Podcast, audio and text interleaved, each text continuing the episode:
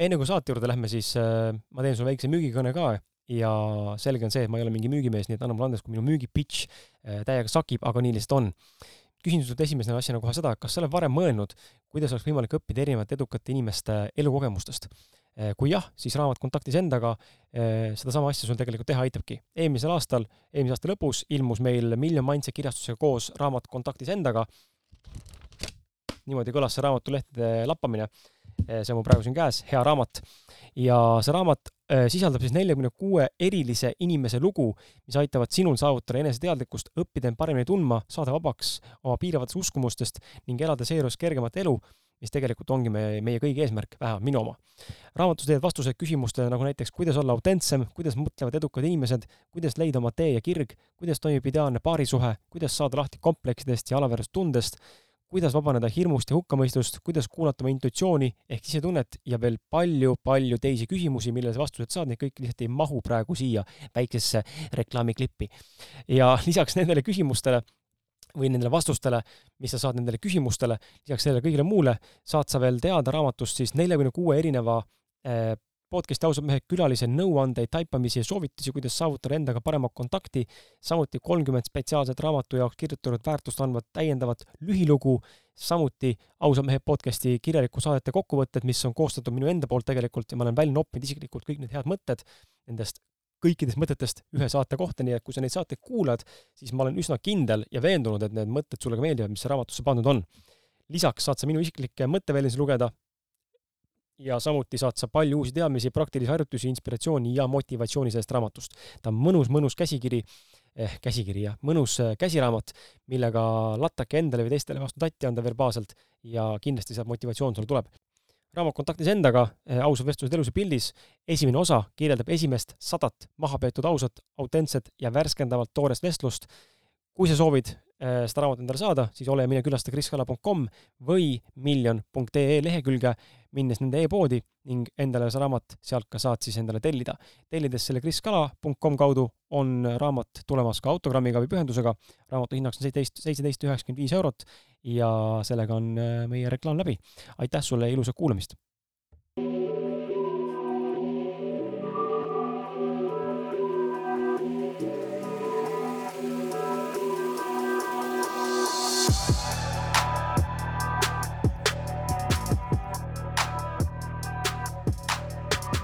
No tšau, tšau, tšau, tšau, tere tulemast kuulama ausad mehed podcasti duubel äh, kaks. Äh, miks duubel kaks? sellepärast, et ma just olin, ma arvan, salvestanud umbes peaaegu et kümme minutit episoodi, kui avastasin, et sel hetkel, kui külaline saab rääkida enda lugu, siis äh, ma ei olnud salvestama pannud, nii et väga tore, niisuguseid apsakaid juhtub vahepeal, eriti selle uue puldiga, mida ma alles õpin tundma siin on vaja tõesti vajutada eraldi veel mitut nuppu, et see asi töötama hakkaks, nii et äh, minu paha, äh, Jaan, vabandused sulle, õnneks Jaan on äh, mõistev inimene, saab minust aru ja annab mulle andeks. sissejuhatus oli päris pikk, mahukas, seda saad sa lugeda Facebooki postitusest või siis SoundCloudi või vastava podcast'i platvormi kirjeldusest. mina aga võtan selle kokku esimese mõne lausega. ja egas midagi, loen siis uuesti sulle, et ähm, tänase saate külaline lausa meie podcast'is on siis äh, eestlastele tuntud ja hinnatud Tartu Ülikooli ajuteadlane ja psühholoog, arvutusliku neuroteaduse ja tehisintellekti kaasprofessor Jaan Aru, kes on ise ühes artiklis öelnud, et teadlased on erinevad ja teevad teadust erinevatel põhjustel. tema aga teeb teadust, sest tema narkootikumiks jutumärkides on tunne, et on lahendamas mingit teaduslikku mõistetust, leidmas teaduslikku kulda. Ja kõik see muu info, mis nüüd siia juurde peaks tulema, eh, seda saad sa ise lugeda, seda tegelikult on päris mahukas, Jaan on teinud oma elus päris palju kogenud, päris palju õppinud, ennast harinud selles valdkonnas. Ja täna võtan mina selle vastutuse ja siis rolli ja annan endast parima, et nii nagu ka siis äh, eelnevate saate puhul, kus on olnud selline ütleme, faktipõhisem informatsioon ja detailirohkem vestlus, nii, nii nagu näiteks Jaanika Tapperiga, toitumisterapeudiga, kus rääkisime toidust kaks pool tundi peaaegu, siis äh, teen täna sama ja üritan siis rääkida ajust, ajutegevusest ja kogu sellest, millega Jaan tegelikult täna kokku puutub ja viia sind sellele rännakule äh, Äh, läbi Jaani siis äh, juhendatud äh, väärtuse pakkumise mõtete ja mõtete ja kogemuste ja taipamiste, et sina siit saaksid võimalikult palju väärtust. ja saaksid aru, mismoodi aju töötab ja võib-olla leiad endale mingisuguse uue väljundi, mine tea, äkki hakkad ka ajuteadlaseks, you never know. Nii et jaa, ja enne kui ma küsimuse küsin, siis me tegelikult jõudsime ka enne puudutada seda, et podcast'i maastik on Eestis päris tugevalt kasvama hakanud ja Jaan ütles, et tal on tegelikult tulnudki hunnik kutseid ja nii et ma olen tegelikult väga tänulik, Jaan, sulle, et sa Äh, siinkohal äh, otsustasid äh, minu kutse vastu võtta. kas on, ma küsin sellise küsimuse juurde siia, kuna me juba teeme duubel kaks, siis kas on olnud äh, saateid, kuhu sa, sa ei pea nime ütlema, aga on olnud kutseid, kuhu sa öeldud, et sa ei lähe? ma üritan alati nagu, kui vähegi võimalik, minna, aga noh, ma vaatan ikkagi jah, et kui on podcast, mida kuulab kolmkümmend inimest ja on kuskil teises linnas ja nii, et noh, et siis lihtsalt mul ei ole aega kahjuks mm, -hmm. eks, et ma tahan väga nagu populariseerida seda, mida me ajust teame, inimestele seda teavet jagada, et kui mul võimalik on, ma lähen, aga noh, mingeid kompromisse peab tegema, eriti kui neid äh, podcast'e on tõesti nagu sadu, et äh, kõikjale ei jõuaks. Täiesti arusaadav ja, ja see on täiesti loogiline. Ma endiselt, nagu ütlen siis jäädavalt, hindan seda, et sa tulid siia, mul on väga meel, et sa oled siin, sest et sa oled üks äh, äärmiselt raskesti kättesaadav mees, sul vist Facebooki ei ole üldse? Ei ole Facebooki ja ma üritan tegelikult alati oma telefoninumbrit ka nagu peita nagu selles suhtes, et et seda ei ole võimalik nii, niisama lihtne leida. see on äh, väga huvitav ja minu meelest väga kiiduväärt, ma olen isegi mõelnud selle peale, et kui oleks võimalus äh, täna kuidagi see elatuda oma asjades, siis tahaks, ahah, see tuli ikkagi tagasi, tahaks võimalikult palju nii-öelda introvertset ja sellist sisekaemuslikku elu elada, et ei taha üldse kuskil pildis eriti olla. see, kus te just kuulisite, siis ma pean äh, meelde tuletama, et hea kuulaja, me salvestame ProGeari ruumides, mitte et need ruumid oleks kehvad, aga täna on siin millegipärast puurimise hääled, mis pole mitte kunagi viimase poole aasta juhtunud, jooksul juhtunud, nii et äh, täna nii on. ja kui sa kuuled vahepeal taustaks muusikat, siis äh, no vot, kuulad muusikat taustaks, siis äh, ole hea, palun arvesta sellega, et äh, inimesed on meil võib-olla siin all, allkorrusel saalis ja ostavad muusikakeskust või mingit muud äh, muusikainstrumente, aga hetkel tundub olevat, et pood on tühi, nii et anna mulle andeks, puuritakse, mina seda kahjuks kontrollida ei saa ja ma ei teadnud ka, et puuritakse. aga lähme siis äh, selle saate juurde. esimene küsimus, mis ma tahan küsida, Jaan, on selline klassikaline äh, mida kuulajad juba teavad ja ma arvan, et äh, ka võib-olla teised podcast'id on ka seda mingis mahus küsinud või sellises nagu suunas alustanud seda, et saaks aru üldse, mis nagu toimub, kes sa oled, kust sa oled tulnud äh, ja hakka kuidagi jutustama sinu otsus, kui pikaks sa tahad seda teekonda ajada, kui pikalt tahad sa rääkida, kus sa tahad alustada, aga oluline see, et siis nagu tekiks mingisugune selline verstapostidest äh, käimistunnel, et saada aru, kes on Jaan Aru. nii, aitäh ja veel kord ütlen, et mul on ka hea meel siin olla. mina iseenesest kui ma koolis käisin, siis ma ei teadnud, et ma saan teadlaseks või ma ei teadnud, et ma saan ajuteadlaseks. mõnel teadlasel on nii, et nagu sa juba väikses, nagu väiksena niimoodi on ta, et ta võtab raadioid lahti ja ehitab ise midagi, ma ei olnud selline, ma, lugesin hästi palju raamatuid, aga ma ei olnud kunagi nagu sellise tundega, et ma hakkaks teadlaseks, veel kaheteistkümnendas klassis ma tundsin, et ma lähen majandust õppima või juurat, aga siis tegelikult õigel ajal käis see klõps ära mind huvitavad suured küsimused, fundamentaalsed küsimused. et mis on ja millest koosneb universum ja mis toimub meie ajus. ja ma arvasin, et me saame nagu kiiremini aru sellest, mis ajus toimub, ma kindlasti eksisin äh,, aga nii, nii mu see valik läks ja siis ma läksingi äh, õppima Saksamaale.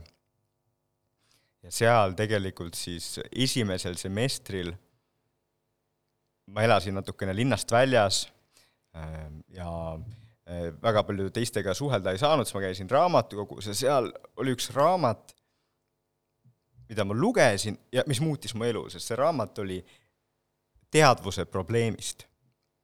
ühesõnaga sellest, et kuidas meie ajust tekib see tunne olla keegi, eks, et noh, et kui ma sind praegu näpistaks, ma ei tee seda, aga kui ma näpistaks, et noh, kuidas sa seda tunned, kuidas see, kuidas see tunne tekib, jah. ja see probleem nagu köitis mind nii väga.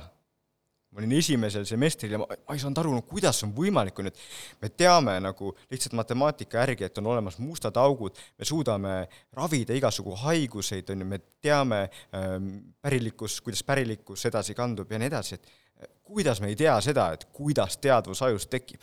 see oli nii suur probleem, mis minusuguse väikse mehe siis haaras ja mm, sellest ajast peale ma nagu olen olnud nagu selles selle mõttega, et ma nagu üritan lahendada mingisuguseid mõistatusi ja ma olen aru saanud, et on olemas tõesti selline töökoht, mis seda võimaldab ja see on teadlane olek, kus äh, reaalselt siis äh, makstakse selle eest palka. et ma üritaksin nagu aru saada sellest, millest inimkond veel aru ei saa, et ma üritaksin nagu meie teadmiste piiri kogu aeg nagu laiendada siit tuleb hea täpsustav, tegelikult mitu täpsustavat küsimust ja ma küsiks sellise natuke selline ähm, toorem ja võib-olla labasem küsimus, aga et makstakse palka selle eest, et sa teeksid seda tööd, mida teised inimesed nii-öelda võib-olla täna teha ei oska või ei taha. mis see sinu leping siis nii-öelda nagu piltlikult öeldes ette näeb, et sul ei ole seal ju kindlasti mingisuguseid tööülesandeid, mida sa pead kindlalt täitma, muidu palka ei saa, et sul on ikkagi ju noh, palk tuleb nagunii, nii või naa, kas sa leiad või ei leia midagi või, või kuidas see teadlase maailmas käib see, et sa lähed kuskile tööle või, või, või sind võetakse töövõtulepinguga tööle või kuidas see nagu maailm töötab, et kas sa pead nagu noh, tulemusi tooma kindlasti või, või mismoodi see käib nagu siis? vot see, see on hea küsimus, eks. ja seda vahel siin Eestis ka nagu ühiskonnas arutatakse, et mida see teadlane peaks tegema, on ju. ja noh, teadlased on erinevad, mõned teevad väga rakenduslikku asju, noh, konkreetselt nad üritavad mingit äh, asja, mingit masinat tööle saada näiteks, ja see võib olla isegi nagu ettevõtluse poolt tellitud ja nii, mõistetav. aga nüüd on siis see suur osa, mida me nimetame alusteadusteks kus inimesed peaksid nagu uurima midagi selle universumi, maailma aluste kohta või mina siis aju kohta. ja probleem on see, et kuna me uurime asja, mida me täpselt ei tea, mis see on, kuidas see töötab, ja me ei tea, kuidas ta lahendada, siis muidugi ei saa nagu otseselt anda tulemuspalka selles suhtes, et noh, sa pead lihtsalt suutma näidata, et sa tõesti nagu uurid ja sa nagu keskendud sellele ja sa üritad lahendada mingit keerulist küsimust, eks.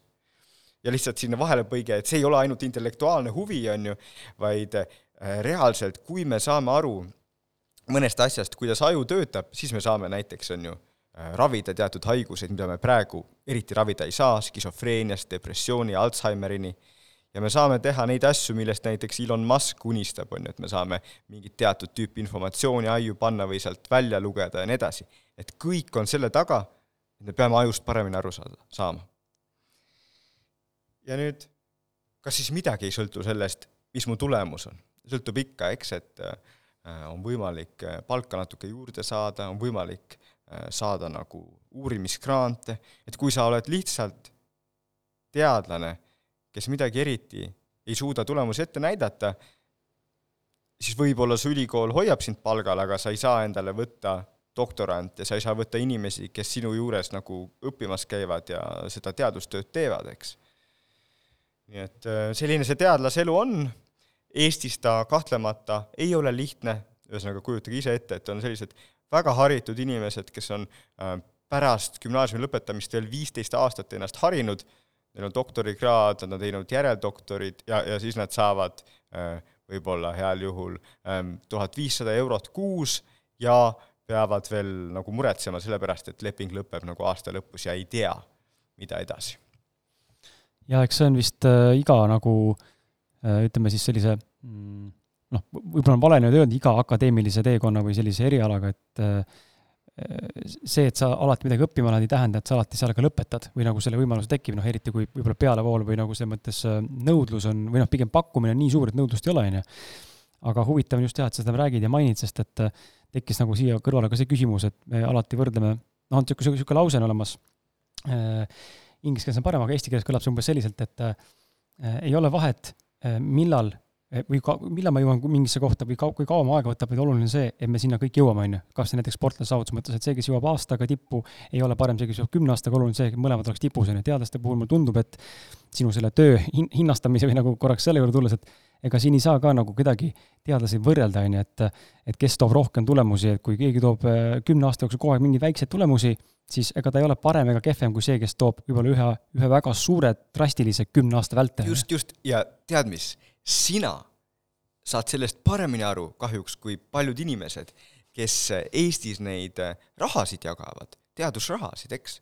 sellepärast, et kahjuks on nii, et ikkagi kui sa lähed siis teadusrahasid taotlema, granti taotlema, siis sa pead näitama, on ju, mida sa oled teinud viimaste aastate jooksul. aga just, põhimõtteliselt võib olla nii, et on inimene, kes, ta kogu aeg nagu, ta keskendub ühele väga suurele asjale, eks, väga suurele asjale ja ta selle viimase kahe aasta jooksul tal polegi midagi ette näidata. hea näide siin oleks Peter Higgs, Higgsi bosonist. ta tegelikult, ta kirjutas ainult käputäie teadustöid. Ühes nendest ta nuputas välja, arvutas välja, et peab olema selline osake nagu Higgsi boson, eks. ja nüüd ta sai siis äh, paar aastat tagasi Nobeli auhinna, eks. aga tänapäeva teadussüsteemis Eestis, aga ka siin-seal mujal maailmas, ta ei oleks vastu pidanud, ta oleks teadusest pidanud lahkuma, sest ta ei teinud tootlikkust.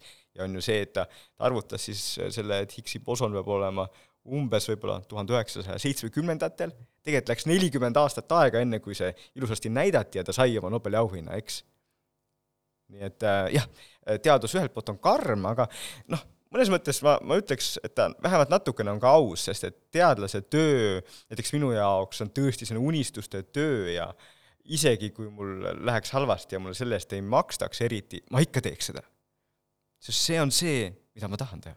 see on see, mis sind seesmiselt põlema paneb nii-öelda siis? just ma arvan, et see on hästi oluline, et see inimene, inimene oma elus selle leiaks ja, ja see kindlasti, ma arvan, oled ka sina mõtisklenud selle peale, et äh, just nende suurte küsimuste ümber, mis puudutab universumit või inimaju või olemust, et et me räägime kogu aeg sellest enda tee ja selle kire või nagu selle asja nagu leidmisest, et ma ei tea, kas üldse ongi olemas ja kui on olemas, siis on noh, tore oleks, kui me selle leiaksime kõik, et see annab elule mingisuguse suurema tähenduse või mõtte, nagu tundub olevat. absoluutselt ja tegelikult ma loodan, et see kõlabki nagu tänasest ka väga läbi, et see on üks minu nagu äh, läbivaid äh, sõnumeid inimestele, et äh, me peame otsima seda teemat, mis meid nagu paneb niimoodi ähm, põlema.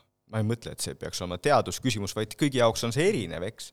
aga ma tahan öelda, et igaüks peaks otsima just seda teemat, sest sa ütlesid ilusasti, see annab elule mõtte, eks, et sul on mingi asi, mis äh, siis, kui nagu muud asjad lähevad halvasti, see on mingi sinu asi, mida sa saad edasi arendada ja sa tead, see on sinu oma, sinu teema sinu töö, sinu,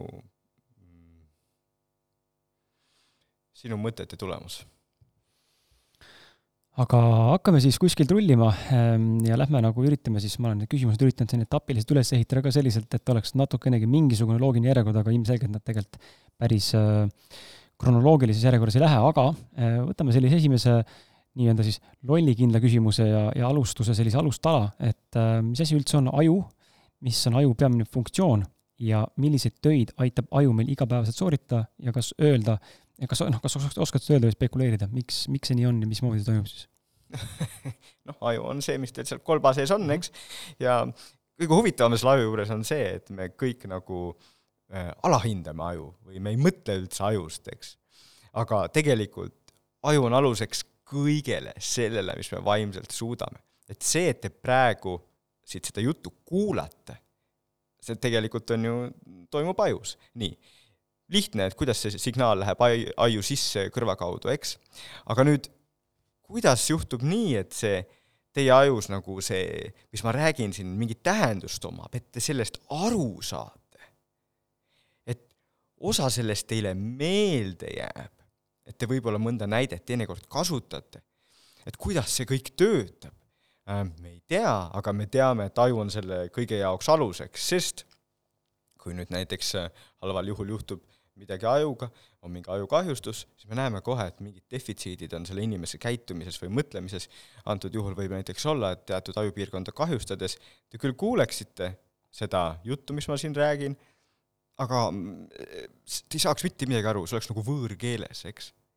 või siis teise kahjustuse puhul te küll kuuleksite, saaksite aru, aga mitte midagi ei jääks meelde, mitte midagi lihtsalt äh, ei jää meelde. ja ühesõnaga, et kõik, mis me vaimselt suudame, kõik ideed, mis meil tulevad, kõik visioonid, äh, tunded, kõik on äh, tegelikult ajus ja, ja see tundub nii labane, kui seda öelda, aga samas see on ka uskumatu, sest kui ma aju lahti võtaks, noh, ta on ju selline umbes pooleteistkilone lillkapsas mis, kuidas, mis imeline lillkapsas see on, on ju, mis mõtleb ja pane, pa-, on aluseks kõigile meie vaimsetele protsessidele.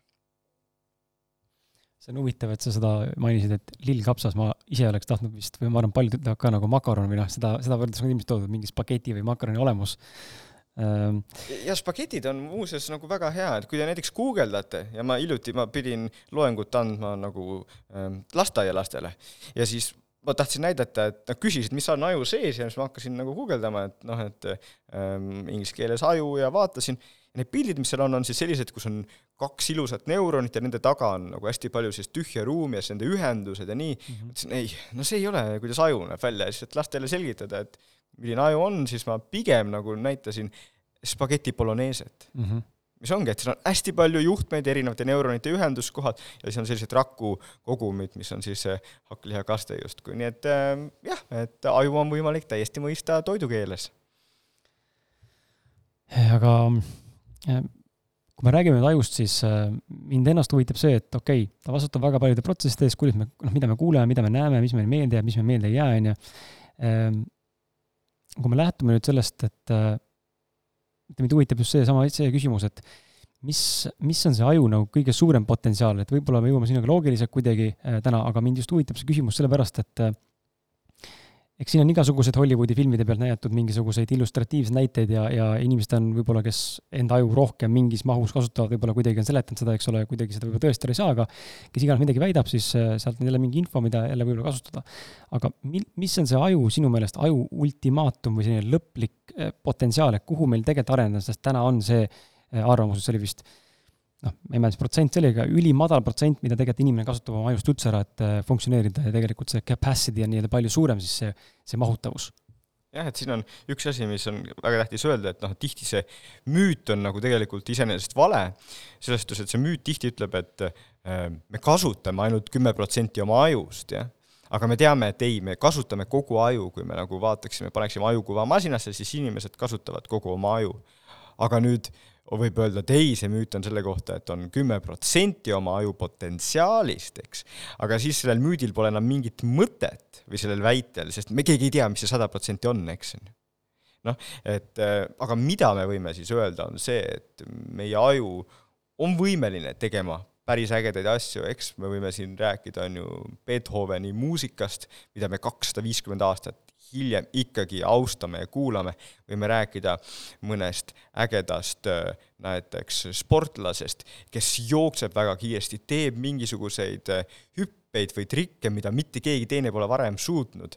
me võime rääkida mingisugusest ähm, teisest tegelasest, kes teeb midagi, mida varem pole suudetud. kõigi nende näide on see, et inimaju ta kogu aeg justkui äh, õpib ja, ja, ja saab minna nagu paremaks, ta saab selle põhjal, mis eelnevad põlvkonnad on teinud, nagu kiiresti õppida ja siis minna omakorda veel kaugemale, olgu see spordis, muusikas, teaduses ja nii edasi.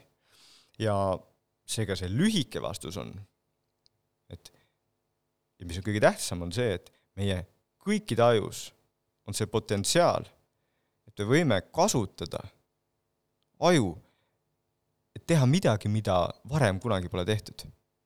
see pole lihtne, aga kuna sa seda küsisid, siis see, siis see ongi nagu tähtis öelda, et see on põhimõtteliselt iga inimese ajus olemas. aga mis sa pead silmas selle all, et teha midagi, mida sellist pole tehtud, ehk siis mingi leiutise mõttes või nagu ja, füüsilise ei, no ükskõik, nagu muusikat, uut tüüpi mm -hmm. muusikat on ju ähm,, ähm, teha nagu äh, podcast, mida, mida, mida kuulab nii palju inimesi, et keegi varem pole kuulnud, on ju, see võib olla mingisugune äh, joonistustöö, see võib olla mingi ettevõte, aga just see, et meie ajudes on kõigi, ajudes on see potentsiaal nagu kombineerida ideid, nendest midagi kokku panna, midagi teha.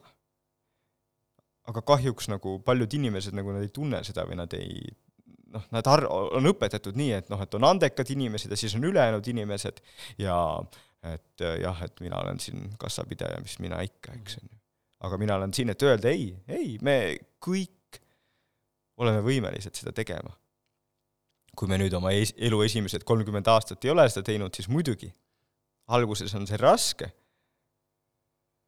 ja kõik, kes on midagi saavutanud, on selle raske perioodi läbi teinud, aga põhimõtteliselt on see võimalik, jah, meie kõikide ajus on potentsiaal kas äh, aju arengule või ütleme siis selle potentsiaalse Äh, nii-öelda täis, täispotentsiaali või selle maksimumi juurde liikumine, ma kujutan ette, et tegelikult see on kindlasti mõne teadlase töö, ma ei tea, kas see täna sinu töö on otseselt, et seda aru saada, kui, mis, mis need järgmised sammud on, et avada nii-öelda uusi uksi siis nendes ajuneuronites või ühendustes või milles iganes veel, aga et et kas seal on midagi, mida sa oskad äkki välja tuua, mis, mis äh, oled ise täibanud enda kogemusest või, või oled teinud, ma ei tea, kas te eksperimente teete, see võib olla vale, aga inimesi uurite selles mõttes, Äh, katsealustajana nii-öelda, see kõlab küll valesti, katsealune sõna, aga keegi on, keda jälgitakse ja keda uuritakse ja tehakse analüüse ja mingeid äh, teste, asju ja kas on midagi või mingid sellised tegevused, mis on äh, ma ei tea, kas siis tõesti vaimsed või siis noh, füüsiliselt midagi, mis tuleb teha, mis aitavad meie ajul kasvada ja areneda selles suunas, et ta saaks mingi hetk siis kasutada natuke rohkemat mahtu?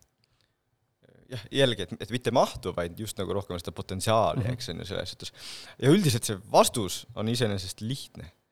et kui me tahame, et meie aju nagu areneks, siis me peame tegema neid asju, mis on pisut rasked. Et on ajule rasked. ühesõnaga, see võib olla füüsiline tegevus, mis on lihtsalt, et sa pead ennast sundima nagu mentaalselt nagu seda tegema, on ju, et selles suhtes on raske. see võib olla vaimne tegevus, mis ongi raske, on ju aga mõte on selles, et kahjuks paljud inimesed nagu noh, lähevad sellesse autopilooti, et nad teevad asju, mis lihtsalt nagu kuidagi on harjunud tegema ja noh, ja niipea, kui natuke raskem on, siis on ei, ei, see ei ole minu jaoks. aga tegelikult see on see koht, kus me peaksime ütlema, just see on minu jaoks, just seda ma tahan teha. just seda rasket ma tahan teha, sest selle raske taga on see, et mu aju nagu areneb kuskile suunas. ehk siis me võime siin kohal kasutada neid termineid mugavustsoon ja, ja mugavustsoonist väljumine. absoluutselt, absoluutselt, jah see nagu paneb natuke, tekitab minu jaoks just viimasel ajal hakkan mõtlema, see tekitab sellise nagu paradoksi kohati, et mingil, mingis mahus nagu on näha inimkonda, inimesi vaadates, siis me tahame kõik elada seda lihtsat, kerget, mõnusat, kulgevat, voolavat elu, aga teiselt poolt on nagu vaja seda, seda tampi, enda sundimist, välja, mugavusest välja minemist äh,, aju nii-öelda nagu siis proovile panemist ja nende füüsiliselt või vaimselt, et et miks see niimoodi on, et me tahame nagu lihtsat, aga tegelikult arengu mõttes on kasulikum teha midagi, mis tekitab ebamugavust.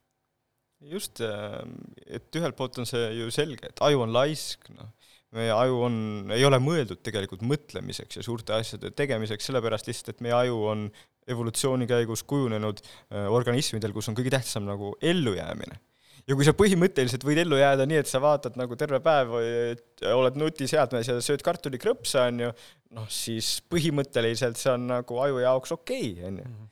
aga inimaju just minu jaoks nagu eristabki teiste loomade ajust seega, et meil on selline äh, sund natukene teha nagu midagi uut midagi teistmoodi, eristuda kuidagi teistmoodi ja olla teistest inimestest ja nii edasi. ja mõnel pool see päädib võib-olla sellega, et on lihtsalt teistmoodi soeng, teistmoodi riided, aga tihtipeale, kui me hakkame mõtlema oma sõprade peale, see, see viib selleni, et me teeme mingeid huvitavaid asju, me hakkame tegema kas näiteks mingid ettevõtted, võib-olla käime mingitel reisidel, on ju, üritame vaadata mingisuguseid teistmoodi filme aga kõige tipus on alati just see nagu, et, et äh, need inimesed, kes nagu ütlevad, et ma tahan midagi nagu täitsa uut teha, midagi, midagi, mis on raske natukene ja, ja ma arvan, et me tegelikult ka nagu hindame selliseid inimesi, eks. jah, see on äh, huvitav ja sa mainisid tegelikult ka natuke seda noh, evolutsiooni ja, ja ütleme siis meie eelnevaid äh, põlvkondi või, või nii-öelda siis generatsioone, aga mind just äh, pani ka mõtlema see küsimus, et ähm, noh, see on jälle võib-olla niisugune hüpotees, eks ole, me lihtsalt nagu nii-öelda lihtsalt, lihtsalt filosofeerime siin, aga lähtudes siis äh, näiteks ma ei tea, Atlantise Lemuuria perioodist oletame, võtame niisuguse esoteerilise näite, võib-olla selline ajaloo, mida keegi täna nagu nii-öelda ei tea, kas on olemas või olnud ja mingi, midagi, mingi allikad ütlevad, et niisugune asi eksisteeris, eelmised tsivilisatsioonid ja täna nagu ei ole ja aga et kas tänane aju, kus me täna inimesed oleme, kas see on pigem nagu äh, sinu meelest vaadatuna siis ütleme, teaduse, teadusest lähtudes äh, on ta ikkagi areng, evolutsiooniliselt on läinud kogu aeg nagu see asi äh, võimsamaks, efektiivsemaks, äh, töövõimekamaks või on äh, potentsiaal, et siin on tegelikult ka väike taandareng, et me oleme kaotanud mingisugused sünapsid või mingi, mingid connection'id või mingisugused oskused või mingisugused noh, mis iganes asjad need olla võivad. just, et noh, siin tuleb meeles pidada, et evolutsioon töötab väga aeglasel ajaskaalal, jah. nii et kui me vaatame, et ähm, teiste inimahvidega ühine eellane oli kuus miljonit aastat tagasi, on ju, siis sellest ajast on muidugi meie aju palju muutunud, eks, see teebki meid inimeseks ja see, see on põhjus, miks šimpansid on loomaaias, eks. ja meie oleme need, kes loomaaia loovad ja loomaaia, loomaaias külas käivad. Ehm, aga kui me nüüd läheksime, ütleme, võtaksime ühe beebi ja viiksime ta ajas tagasi näiteks äh, viiskümmend tuhat aastat tagasi, siis vist poleks eriti vahet. Me võiksime sealt vahetada, võtta ühe teise beebi sealt vastu mm, -hmm. eks siis poleks eriti vahet, et äh, see beebi, kelle me siit sinna viisime, kasvaks üles, äh, see, nendes tingimustes saaks hakkama ja see beebi, kes siia tuli, saaks hakkama.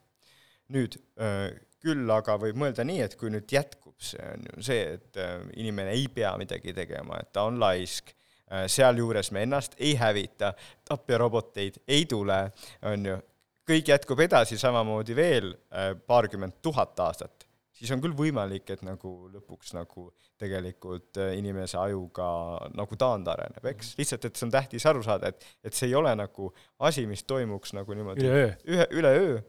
Äh, küll aga võivad sellised muutused äh, toimuda siis kuude või aastate jooksul ühe inimese enda aju sees, jah. kas paremuse poole või siis allamäge paremuse või allamäge poole minemise juures, mis sa oled enda puhul nagu märganud ja, ja ütleme siis oma töö juures märganud, millised on need kogemused või, või sündmused, mis siis aju selles mõttes nagu trigerdavad, et räägitakse mingitest murdepunktidest inimese elus, et inimene peab päriselt tegema selle otsuse, see otsus tuleb tavaliselt meie mõistusest või kuskilt seest, on ju, kirjeldamatust kohast, aga et mingid sündmused on need, mis tegelikult mõjutavad aju, kas tekitavad traumat, tekitavad mingisuguseid positiivseid kogemusi, et millised on need sündmused, mis tekitavad siis mingisugused sellised reaalsed noh, märkimisväärsed sellised šokke ajule? Või, või see pigem on väga indiviiditi erinev ja see sõltub tõesti sellest, mis, mis inimene elab? väga õige, väga õige, et äh, on muidugi mõned sündmused, mis nagu kõiki inimesi mõjutavad, eks, et me võiks siin äh, Eestist otsida neid sündmuseid näiteks sealt äh, laulva revolutsiooni ajast ja nii edasi, et äh, kus on palju inimesi koos, nad on näiteks, laulavad kõik nad tunnevad Eesti lippe, lehvitatakse, nad tunnevad, et see on äge ja see muudab nende elu. aga suures osas on need sündmused siiski individuaalsed, eks. ma alustasin sellest, et minu jaoks oli üks selline sündmus, oli see, kui ma lugesin seal esimesel semestril üksi raamatukogus seda raamatut teadvusest, eks äh, mingi teine inimene oleks ta lugenud, tal ei oleks mitte midagi teinud, oleks suhteliselt igav olnud võib-olla, eks, aga minu ajus käis see klõps ära, on ju, see oli lihtsalt selline vinge asi. Äh, nüüd siin paar aastat tagasi ma kogesin oma pojal seda, kus ma nagu üritasin, olin kodus lastega ja poiss oli, hakkas viis saama, üritasin nagu talle leida midagi ja siis hakkasin nagu selgitama talle, mis asi on must auk. ja käes läksid silmad põlema ja ma ei tee nalja, ma, ma tõesti, ma ei, ma, ma, ma ei liialda, et järgmised kümme tundi ta rääkis kogu aeg mustast august ja üritas igasugu asju teada. ja noh, et sel hetkel no, see, see, see oli näha, et see nagu tema aju jaoks sel hetkel oli. ja, ja selle loo nii-öelda mõte on selles, et meie kõikide ajude jaoks on see natuke erinev. kust see järsku tuleb, seda ei saa niimoodi ennustada.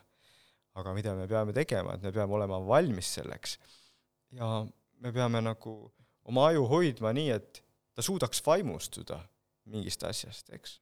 et see on see tähtis asi.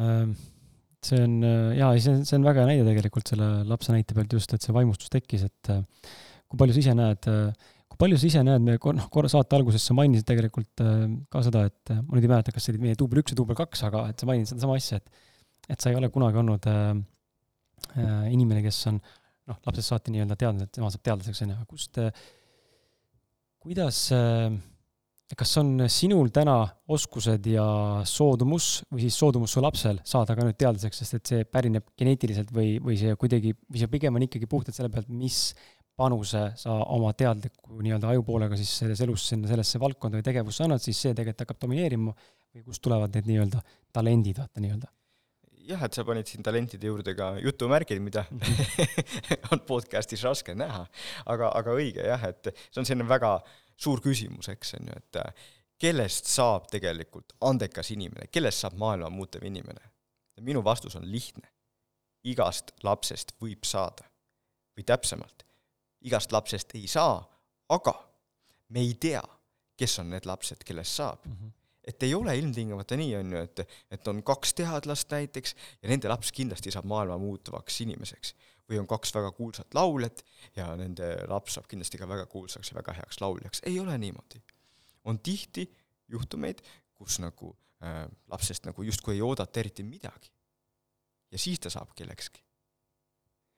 nii et äh, kodudesse võin öelda, et äh, võib täitsa olla, et teie kodudes on kasvamas tulevane Arvo Pärt või Kelly Sildaru või Einstein, me peaksime seda teadma ja me peaksime hoolitsema, et nendel lastel need võimalused lahti oleks mm. -hmm.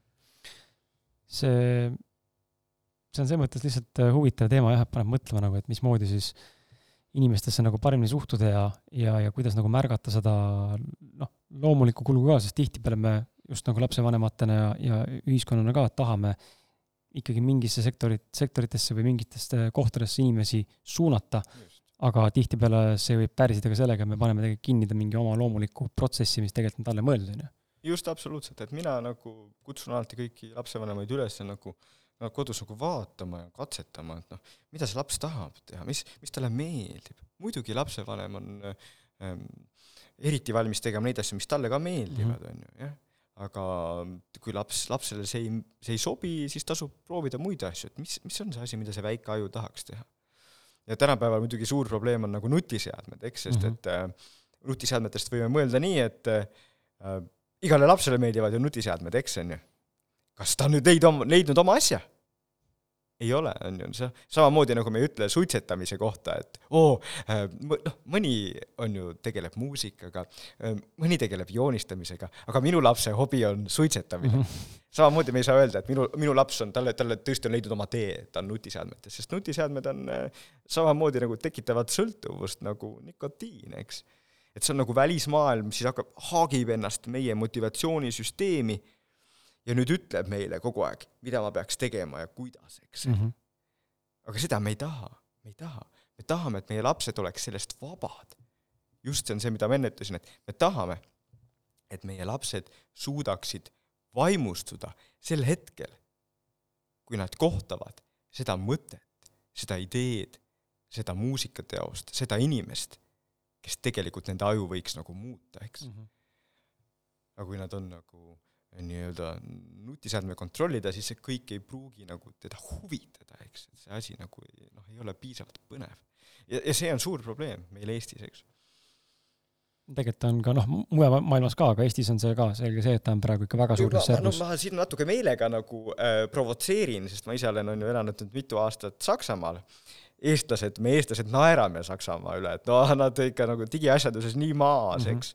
aga kuna nad on maas nad on skeptilisemad, siis Saksamaal nagu lastel ei ole nii palju nagu nutiseadmeid.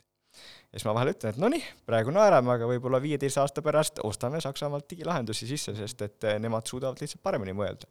ja muidugi see on pool naljaga, pool provotseeriv, aga noh, mingi mõte on selles taga ka, et me Eestis nagu vahel ütleme, et oo, me oleme nutiriik, ahaa, see tähendab nutiseadmeriik, ei tähenda, noh, on ju, see nutiseade, mida me peame hoidma, on ajudes, on ju -hmm. see on kõige tähtsam asi Lähme sammu korra tagasi aju juurde ja puudutame selliseid äh, termineid siis nagu alateadvus ja teadvus. Äh, äkki suudad sa siin mõnusasti ja lihtsasti lahti seletada, mis asi, mis asi on üks ja teine, äh, kuidas nad teineteisega suhestuvad, mis, mis nii-öelda leping neil omavahel on ja selline natuke provota-, provokatiivsem küsimus, kumb on tähtsam? Jah, et siin see alateadvus on natuke, see on alati selline problemaatiline sõna, sest tal on nagu oma selline, inimesed nagu mõtlevad, peavad selle all midagi silmas, eks, on ju.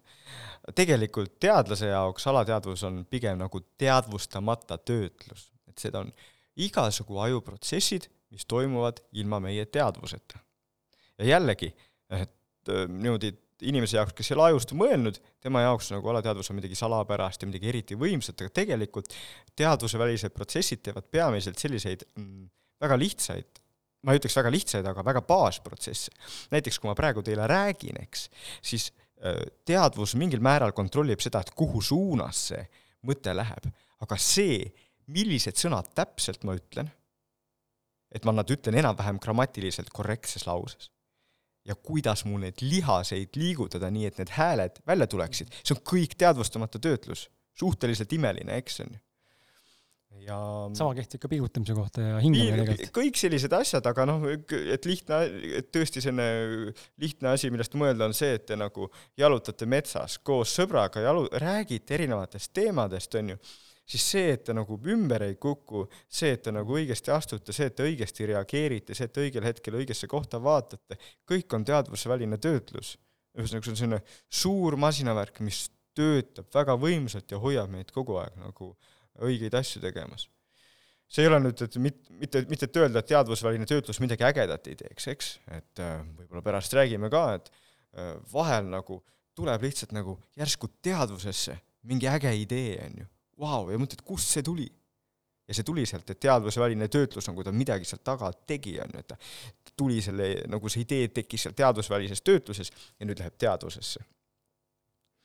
ja siin jõuamegi nagu teadvuse juurde, mis on siis nagu, võiks öelda nagu selles suhtes esiteks tunduvalt väiksem osa meie ajust või nagu ehm, ka ebaolulisem osa meie ajust, et me võiksime põhimõtteliselt ette kujutada inimest, kellel on nagu kahjustused teadvuses, aga kes saab nagu selliste igapäevaste asjadega täitsa hästi hakkama. ja, ja on ka selliseid patsiente, kes näiteks, kui nad küsida, et kuule äh,, nii, kas sa näed, mis siin toas on, on ju, mis objektid siin toas on, ta ütleb ei, et ma ei näe, noh, ta, ta ei teadvusta neid objekte. aga sa ütled, et äh, palun jaluta ringi, et me oleme siia mõned toolid ümber lükanud ja mõned muud takistused teinud, et katsu neile mitte otsa astuda. siis ta ütleb, et te olete lollakad või?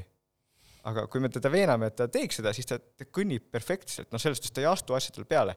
teadvusväline töötlus nagu ütleb talle, kuhu ta ei peaks minema nii. ühesõnaga, et saab ilma teadvuseta. aga nüüd me tuleme selle küsimuse juurde, eks, et kumb on tähtsam? teadvus on tunne olla keegi. teadvus on see, mis te praegu näete ja kuulete. teadvus on see, see, mis te näete, on justkui teie oma, teie perspektiivist, jah? ja nii, kui me nüüd teadvuse ära võtaksime, siis teid enam ei ole, eks mm. -hmm. sest teie oletegi see teadvus, eks. niisiis, ehkki teadvus on küll ajus, ta ilmselt on nagu väiksem protsess kui, kui teadvusväline töötlus, siis ilma selleta oleksime lihtsalt mõttetud kehad. aga minu küsimus ongi see, kas siis teadvus on see, mis loob reaalsust ja miks on vahel niimoodi, et äh, miks on vahel niimoodi, et äh, erinevad inimesed näevad või mäletavad üht sama stsenaariumit erinevalt? Mingites detailides, noh, et kui paneks meid koos praegu pihipinki ja nüüd rääkige, kuidas see podcast'i kogemus oli, milline see pult näiteks oli, siis me ilmselt kirjeldame natuke erinevalt seda pulti. Äh, millest see nagu tuleb siis, kuigi ruum on sama, kuigi kogemus on sama? jah, see on selline küsimus nüüd, eks, et kas me elame simulatsioonis, kas see kõik on lihtsalt meie aju või mingi muusugune simulatsioon, jah? sest nagu ma ütlesin, tõesti, kõik, mis te näete praegu, see tundub, et see on välismaailm, aga tegelikult me saame katsete põhjal näidata, et see kõik on ajus. ja kui see nii on, siis kust me teame nüüd, et see on nagu üldse päris maailm, et, teadvus ei loonud seda. ja see on selline muidugi selline väga suur filosoofiline diskussioon ka selle üle, et, et mis see, mis see maailm on, kas ta on olemas ja nii edasi. teadlasena mul on selline suhtumine sellesse, et äh, on, mis on. Mina elan siin, okei okay,, on see simulatsioon või ei ole. Mulle meeldivad minu asjad, mul on oma lapsed, ma jätkan sellega, et ma nagu, see on minu jaoks näide sellest küsimusest, mida võib veiniklaasi taga arutada või ka podcast'is, eks, aga noh, et ma, mina ei paneks oma elu sellele, et, et seda küsimust uurida, see on juba liiga noh, sügav, sest ma ei näe, et ma saaks seda kuidagi vastata, on ju, mul on vaja seda, et ma nagu saaksin mingid sammud teha edasi, et nagu seda näha, eks nii, ja teine, su küsimuse teine pool oli sellest, et kas me nagu näeme ja tunneme ja mäletame asju erinevalt. jah, muidugi. see on täpselt seesama asi, et kuna kõik, mis me näeme, läheb tegelikult läbi meie aju, eks, ja aga see, mis seal ajus on, on meil kõigil erinev, on ju, siis muidugi me näeme, noh, ütlesid seda pulti, on ju, aga me näeme ka kõiki asju erinevalt, eks. noh, ja nüüd me kõik ju teame ka seda, et vahel, et on ju mingist, loeme näiteks mingit arvamusartiklit ja siis on nagu äh, Äh, selle elukaaslasega või sõbraga täiesti erinev arvamus, kuigi me lugesime sedasama artiklit, eks, aga meie ajud on erinevad, see, mis me näeme, on erinev, meie arvamused on erinevad ja selles suhtes on üldse ime, et me nagu äh, hästi üksteisega hakkama saame. Võtan siia vahele nüüd äh, esimese kuulaja küsimuse ja kuulaja Ketlin Tammsalu küsib. mind huvitaks näiteks, mida arvab Jaan Aru kehavälistest kogemustest kas ja kuidas seda kaasaja teadus, sulgudes millegi muu küsimärk, abil seletada küsimärk, samuti kuidas suhestuvad omavahel keha, vaim ja hing? jah, väga, väga head küsimused, et äh, kehavälised kogemused on sellised äh, asjad, mis siis, kus inimesed väidavad, et äh, nad liikusid oma kehast välja, nägid midagi, mida nad ei saanud muidu näha ja nii edasi. ja nagu ikka, on see asi teadlaseid ka päris hästi ja päris palju huvitanud. et on kindlasti nagu ka inimesi, kes väidaks, et kehavälised kogemused nagu tõesti on päriselt olemas, aga äh, teaduskatset, mis, kus on siis, sa võid teha sellist katset, on ju, et sa paned nagu noh, näiteks inimesed mingisse äh,, kes on nagu seal südameoperatsioonil, seal tihti nad pärast väidavad, et nad väljusid kehast, on ju, nägid mingeid asju, siis nagu selle mingi kapi peale nagu kirjutad näiteks mingid sõnad. ja siis pärast küsid, okei okay,, et sa käisid seal nagu lae all, aga mis mul kapi peal kirjas oli? ja tõesti, noh, et ma ei tee mingit nalja, et neid katseid on tehtud, eks, aga kordagi ei ole keegi midagi nagu ära öelnud mm, -hmm. eks. et see on selline lihtne mõtlemiskoht, et hmm, et kui see tõesti oleks nagu nii võimas asi, siis noh, nad peaksid ju suutma neid sõnu ka öelda. Ei ole kordagi tehtud ähm, tähendab, ei ole kordagi tehtud teaduslikult äh, uuritud katsetes mm, -hmm. eks on ju, noh. ja siis siin ongi nüüd siis kaks võimalust, et on in-, osa teadlasi, kes ütleb, et ah, see on lihtsalt nagu inimesed luuletavad midagi kokku, aga mina uurin teadvust, eks, ja siis ma ütlen selle kohta hoopis nii, et tead-, sellised kehavälised kogemused on üks näide sellest, kui kummalisi fenomene meie aju loob, jah.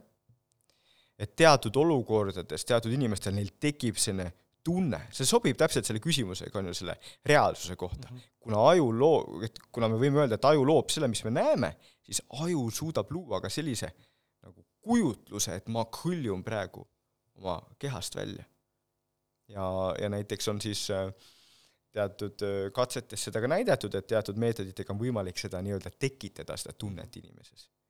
Äh, ühes katses näiteks pandi aiu, pandi elektrood ja siis see on ühel patsiendil ja seda elektroodi stimuleerides oli võimalik patsiendil tekitada see tunne. oo, ma liigun oma kehast välja praegu. Ehm, nii et ehm, see on üks selline, ma ei ütleks vingerpuss, aga see on selline üks selline fenomen, mida meie aju äh, tekitab. see sinu katse näide praegu tegelikult pani äh, mind avaramalt nüüd siis mõtlema selle peale, et aga see võib-olla siis mingil määral näitab või annab nagu mõista, et on olemas võimalikkus äh, tõesti sellises asjaks, et ma vaatlengi siis ennast teadlikult, noh, justkui nagu kõrvalt, on ju, astun välja, kas siis stimuleerides, manipuleerides nii-öelda või siis nagu omandan selle oskuse nii-öelda, et kui seal midagi sellist peaks olema, ma ise kogenud niisugust asja ei ole, et ma hõljun kuskil, aga aga ma arvan, et veel mitte. veel mitte, on ju, et aga paljud on kogenud, ma arvan, et on kogetud teistpidi, on see, on selline madratsisse vajumise tunne, ma ei tea, ma olen seda väga palju kogenud, et keha hakkab surisema ja sa nagu täiega nagu tunned nagu tükk tonni mingi vajud üle läbi oma madratsi, siis vajud, vajud, vajud ja see on niisugune natuke isegi hirmus, ma mäletan, mul just, tekkis noorena hirm isegi tekkis. just, absoluutselt, ja tegelikult äh, selliseid erinevaid fenomene on nagu unega seotud hästi palju, et äh, et inimesed nagu, osad nad ärkavad ja siis on nagu, nad ei saa ennast liigutada. ja see on nagu läbi ajaloo on siis äh, inimesed kirjutanud sellest, kuidas nad sellises olukorras nagu näevad, et keegi on nende juures, võib-olla teeb isegi mingit operatsiooni nendega aga, aga tegelikult jällegi ajuteadlase vaatest me vaatame seda, kui see on nii-öelda füsioloogiline fenomen meie ajus, kus meie lihast on pidurdatud, nagu meil teatud unefaasis nad on, aga nüüd teatud ajuosad on ärganud ja siis ajul ei jää muud üle, kui tõlgendada, et mis toimub parajasti mm. -hmm. ja siis sellest tulebki see tõlgendus, et et seal on keegi, kes midagi teeb. et äh, selliseid asju tegelikult meie aju teeb kahjuks äh, pigem tihti ja ma arvan, et on hea siin kuulajatel teada ka, et noh, et otseselt ei pea muretsema, et see on, et sellised fenomenid tõesti juhtuvad nad ei tähenda otseselt midagi halba, alles siis, kui nagu tõesti see väga-väga nagu segab, et siis tasub nagu üritada nagu abi ka otsida. Mis ta see õige termin on, see une, uneparalüseeritus või? jaa, näiteks selle, selle juurde uneparalüüs, jah, aga, aga neid fenomene on tegelikult seal unega ja ja ka ärkvel oleva teadvusega veel seotud erinevaid, jah, hallutsinatsioonid ja mm, -hmm. ja mhm. nii edasi. ja unenäod näiteks on ju ka väga kummaline teadvusseisund, oled maailmast eemal, on ju, oma aju nagu loob mingisuguse reaalsuse, mis tundub täiesti nagu õige asi olevat. ja sa koged seda ka veel, ilma et sa ka tegelikult nagu teadlikult siis kogeks, on ju, tegelikult ju koged, sa tunned just, just, ei, no minu jaoks on unenäod on nagu täiesti teadvuselamus, noh, selles mm -hmm. suhtes, et see, see on teadvus. lihtsalt teistmoodi teadvus, kus teatud ajuosad ei tööta nii, teised tea-, ajuosad töötavad rohkem ja nii edasi, eks ju.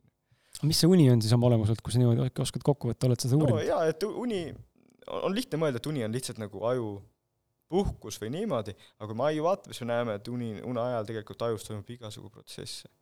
niisiis äh, ühelt poolt ta võib-olla on natuke puhkus, aga ta on ka nagu selleks, et äh, näiteks äh, mälusisusid paremini talletada, ta on lihtsalt selleks, et ajus teatud selliseid ähm, ütleme nii, hooldustoiminguid teha, ta on ka selleks, et lihtsalt valmistuda ette seda, et me järgmine päev oleme jälle heas vormis ja saame õppida ja tegutseda see uni eh, tundub olevat omamoodi selline äh, hästi suur nagu valdkond, kas sa, kas see on mingi valdkond, millega tegelikult sina ka nagu päriselt uurid, uurid, tegeled samamoodi või? nüüd, nüüd ma ei ole viimased aastad nii palju unega tegelenud, aga et see on osa mu tead-, teadustööst olnud jah mm, -hmm. kus me oleme uurinud und ja unenägusid ja üritanud aru saada, mis nad on ja kuidas tekivad mm,. aga ma, kui ma, kui ma seda teemat puudutasin korraks, võtan selle uneküsimuse vahele ähm, saab korra sellest äh, ka rääkida, saab siis selle nii-öelda eest ära ja saame edasi minna muude mõtete ja, ja teemadega, et äh, küsiks esimese asjana, et miks me üldse vajame puhkust, miks me vajame und, miks me vajame äh, magamist? nojah, et siin ongi erinevaid teooriaid on, võiks öelda nii, et päris äh, sada protsenti kindlalt ei tea, aga siis näiteks äh, üks, üks võimalus on lihtsalt nagu päevasel ajal ärkvel olekus nagu kogunevad igasugu sellised äh, ohtlikud ained aiu, ma ei mõtle nüüd ilmselt mingeid välismaailma mürke, vaid mm -hmm. lihtsalt, et neuronite töö tagajärjel tekivad teatud mürkained ja neid on vaja puhastada. noh, huvitavam idee on see, et kui me nagu päeval toimetame äh,, kogeme asju, siis tegelikult me kogu aeg õpime midagi ja see õppimine nagu muudab meie ajus nagu neuronite vaheliste ühenduste suurusi ja keskmiselt suuremaks. nüüd aga kui me rääkisime enne, et aju on nagu spaghetti bolognese, on ju, seal ei ole ruumi ja siis ongi üks suur idee on see, et une ajal tegelikult kõikide nende sünapside suurust vähendatakse, jah. ehk lõ-, lõdvestuvad nii-öelda siis või nagu vähe lõdvemaks? nojah, võiks öelda lõdvestuvad jah, et kõik, kõik need vähenduvad ja öö, muutuvad väiksemaks ja seetõttu nagu me saame siis järgmine päev jälle õppida ja tunneme ennast nagu värskelt. kui me räägime unevajadusest või une, unetsükli, unetsüklitest üldse, ma olen hästi huvitav on seda tähele panna äh, ma ei ole seda varem äh, ise jälginud täiskasvanu eas enda puhul, äh, ma ei tea, võib-olla oskad sina peast öelda, mis on inimese unetsükkel keskmiselt noh, minutites või, või ajas nii-öelda, aga ma olen laste puhul märganud, et mul laps teeb niisugune nelikümmend viis minti unetsüklit, siis kui tsükli ajal üles ajada teda nagu keset tsüklit, siis on nagu totaalselt pekkis. aga kui ajada nagu normaalsele üles, nii et sa näed ära, et ta tegi tsükli, ta hingas, vahetas positsiooni võib-olla, ja siis üles ajada, siis ta on nagu palju puhanum kas täiskasvanud inimestel on samamoodi unetsüklid ja, ja kuidas neid nagu mõõta või, või mis need unetsüklid üldse on või kas me üldse peaks neid jälgima või et ma tahaks nagu seda unest aru saada, et kuidas, kuidas nagu saada võimalikult kvaliteetset und, sest teinekord uni on ka hakitud väga tugevalt no siin on mitu küsimust, et kui sa tahad nagu vaadata, et kas on täiskasvanul unetsüklid, siis proovi oma selle elukaaslase peale või abikaasa. lapse ei ka, aga aa, selles mõttes teda, teda jälgida ja just, just, just, just, et noh, sa tahad täiskasvanu peal proovida selles suhtes, et eh, on muidugi, on muidugi meil ka tsüklid ja eks me teame ju seda igaüks, et eh, kui äratuskell heiseb valel hetkel, siis on ikka väga raske voodist püsti saada ja teinekord on, on nagu palju reipam see olemine. mõni üritab siis mõne äpi abil isegi nagu seda nagu optimeerida, et õigel hetkel nii-öelda üles ärgata. kes tahab, võib proovida noh, et see, need äpid kunagi ei tööta nagu kõigil ja nii, aga, aga, aga põhimõtteliselt võib nagu selle, võib-olla on, saab mingi testiperioodi, saate natukene proovida, et võib-olla mõnel inimesel, mõnel kuulajal see tegelikult nagu reaalselt aitaks just seda vältida, et oled nagu väga väsinud, et pigem ärgata nagu pool tundi varem õiges kohas nii-öelda, õigel hetkel, kui see, et siis see äratuskell pool tundi hiljem eeliseb nii-öelda keset tsüklit mm. -hmm ja, ja, ja, ja kui me vaatame und, ma soovitan täitsa, et tõesti teinekord, noh, kui sa oled lapse und vaadanud, võib-olla oled näinud isegi, et ta ongi, noh, sa, nagu sa ütledki, et on, et tal on erinevad faasid, vahepeal on selle hingamine väga sügav ja, ja tundub nagu väga sügav uni ja siis vahepeal on, kus silmad liiguvad mm -hmm. augude taga. Need on erinevad unetsüklid ja noh, et seda kirjeldati juba, juba äh, eelmise sajandi keskel, et tegelikult selles faasis, kus silmad liiguvad see ongi kiirete silmaliigutuste uni, sel ajal nagu aju aktiivsus on väga sarnane nagu ärkvel olekul. REM, REM, REM siis REM uni jah, jah. Rapid eye movement. Rapid eye movement mm -hmm. tulebki sellest jah, et eh, silma, kiiretest silmaliigutustest ja, ja sel ajal siis tavaliselt me näeme neid selliseid unenägusid mm, -hmm. jah kas sa küsisid midagi veel seal? ei, ma jäin, mind millegipärast nii väga paelub see, ma kujutan ette, tegelikult ma arvan, meid paelub kõiki see aju, aju teema üldse ja see une juures, just see une nägemine, mis asi see nagu on siis, et sa paned lihtsalt mõtlema vahepeal, et kui absurdseid asju on nagu nähtud ja, ja kui palju on siis see välismaailma mõjutus, kui palju on see minu enda sisemaailma mingisugune filosofeerimine või analüüs äh, sisekaimuslikult või, või mis see nagu on või kes see seda loob või, või noh, et ongi huvitav mõelda, mis asi see on, sest me ei saa vastuseid sellele mitte kunagi või noh, vähemalt pole veel niimoodi mina saanud vastuseid. no aga siin ongi, siin me tuleme tagasi selle juurde, et mis on teadlase töö mm. -hmm. see ongi teadlase töö üritada aru saada sellisest asjast. ja unenäod on nüüd hea näide, eks, et me rääkisime sellest, et noh, ma tõesti arvan, et kunagi ei saa aru sellest, et kas, kas me elame simulatsioonis või ei, on ju. aga nüüd unenäod on selline asi, mida saab uurida. oleme ise ka teinud laboris, eks. et ähm, sa võid näiteks teha seda, et sa on ju, inimene on sul kas kodus või, või, või veel parem laboris, magab voodis ja siis sa näiteks, sa mängid mingit muusikat või sa lased mingit lõhna ja siis äratad üles seda ja küsid, mis sa unes nägid. võid sellist asja teha, on ju. Äh, sa võid ähm, näiteks mingit äh, rohtu anda ja vaadata, kuidas see mõjutab äh, unenägemist ja nii edasi nii et, et selliseid asju tegelikult äh, tehakse, on tehtud ja, ja, ja, ja et see on tõesti nagu, ma ütleks, et selle küsimuse kohta on kindlasti sadu mhm. teadustöid äh, kirjutatud nagu, et mis, kes uurivadki, et millised on inimeste unenäod, mida nad näevad, kuidas nad näevad ja nii edasi, eks. Seal see suur probleem on alati see, et tegelikult äh, tavainimene on väga mõjutatud nagu Sigmund Freudi ideedest, eks, mis ütles, et unenäod on nagu nad sümboliseerivad midagi, eks, noh, tavaliselt mingeid seksuaalseid tunge ja nii edasi, mhm. on ju. ja nüüd ülejäänud nagu alates võib-olla tuhande üheksasaja viiekümnendatest, kuuekümnendatest nagu uurimustöö, nagu mis on sajad teadusartiklid on kõik näidanud, et Freud eksis, ei ole sellist asja, aga ikkagi inimesed nagu teavad seda Freudi teooriat, on ju. et ähm, kui me vaatame, mis modernselt tänapäeval usume, siis me nagu teame, et nagu unenäod, nagu nad tõesti nagu peegeldavad seda, kes me oleme, et seal vahel ei ole vaja mingit unenägude tõlgendajat. kui keegi saab sellest unenäost hästi aru, siis see olen mina ise, et sest mina tean, et aa, seda inimest ma nägin seal ja ja see on tõesti, ma ei ole tema inim-, temaga mitu aastat äh, rääkinud, aga see ei pea otseselt midagi tähendama, et vahel me võime ette kujutada lihtsalt, et mingi sa-, mingid asjad ajus aktiveeruvad ja siis pannakse nad sinna kokku, eks, on ju. nii et äh, ma soovitan kahtlemata, et kui kedagi unenäod huvitavad, et ei pea raha andma välja selle eest, et nagu osta endale mingid unenägude tõlgendajaid või laskma kellelgi midagi tõlgendada, vaid äh, võib ise selle üle mõelda, et äh, miks ma seda nägin, kas sellel on mingi tähendus, aga see tähendus saab olla nagu ainult nagu teie jaoks ja võib-olla elukaaslane, abikaasa saab nagu natuke ka aidata.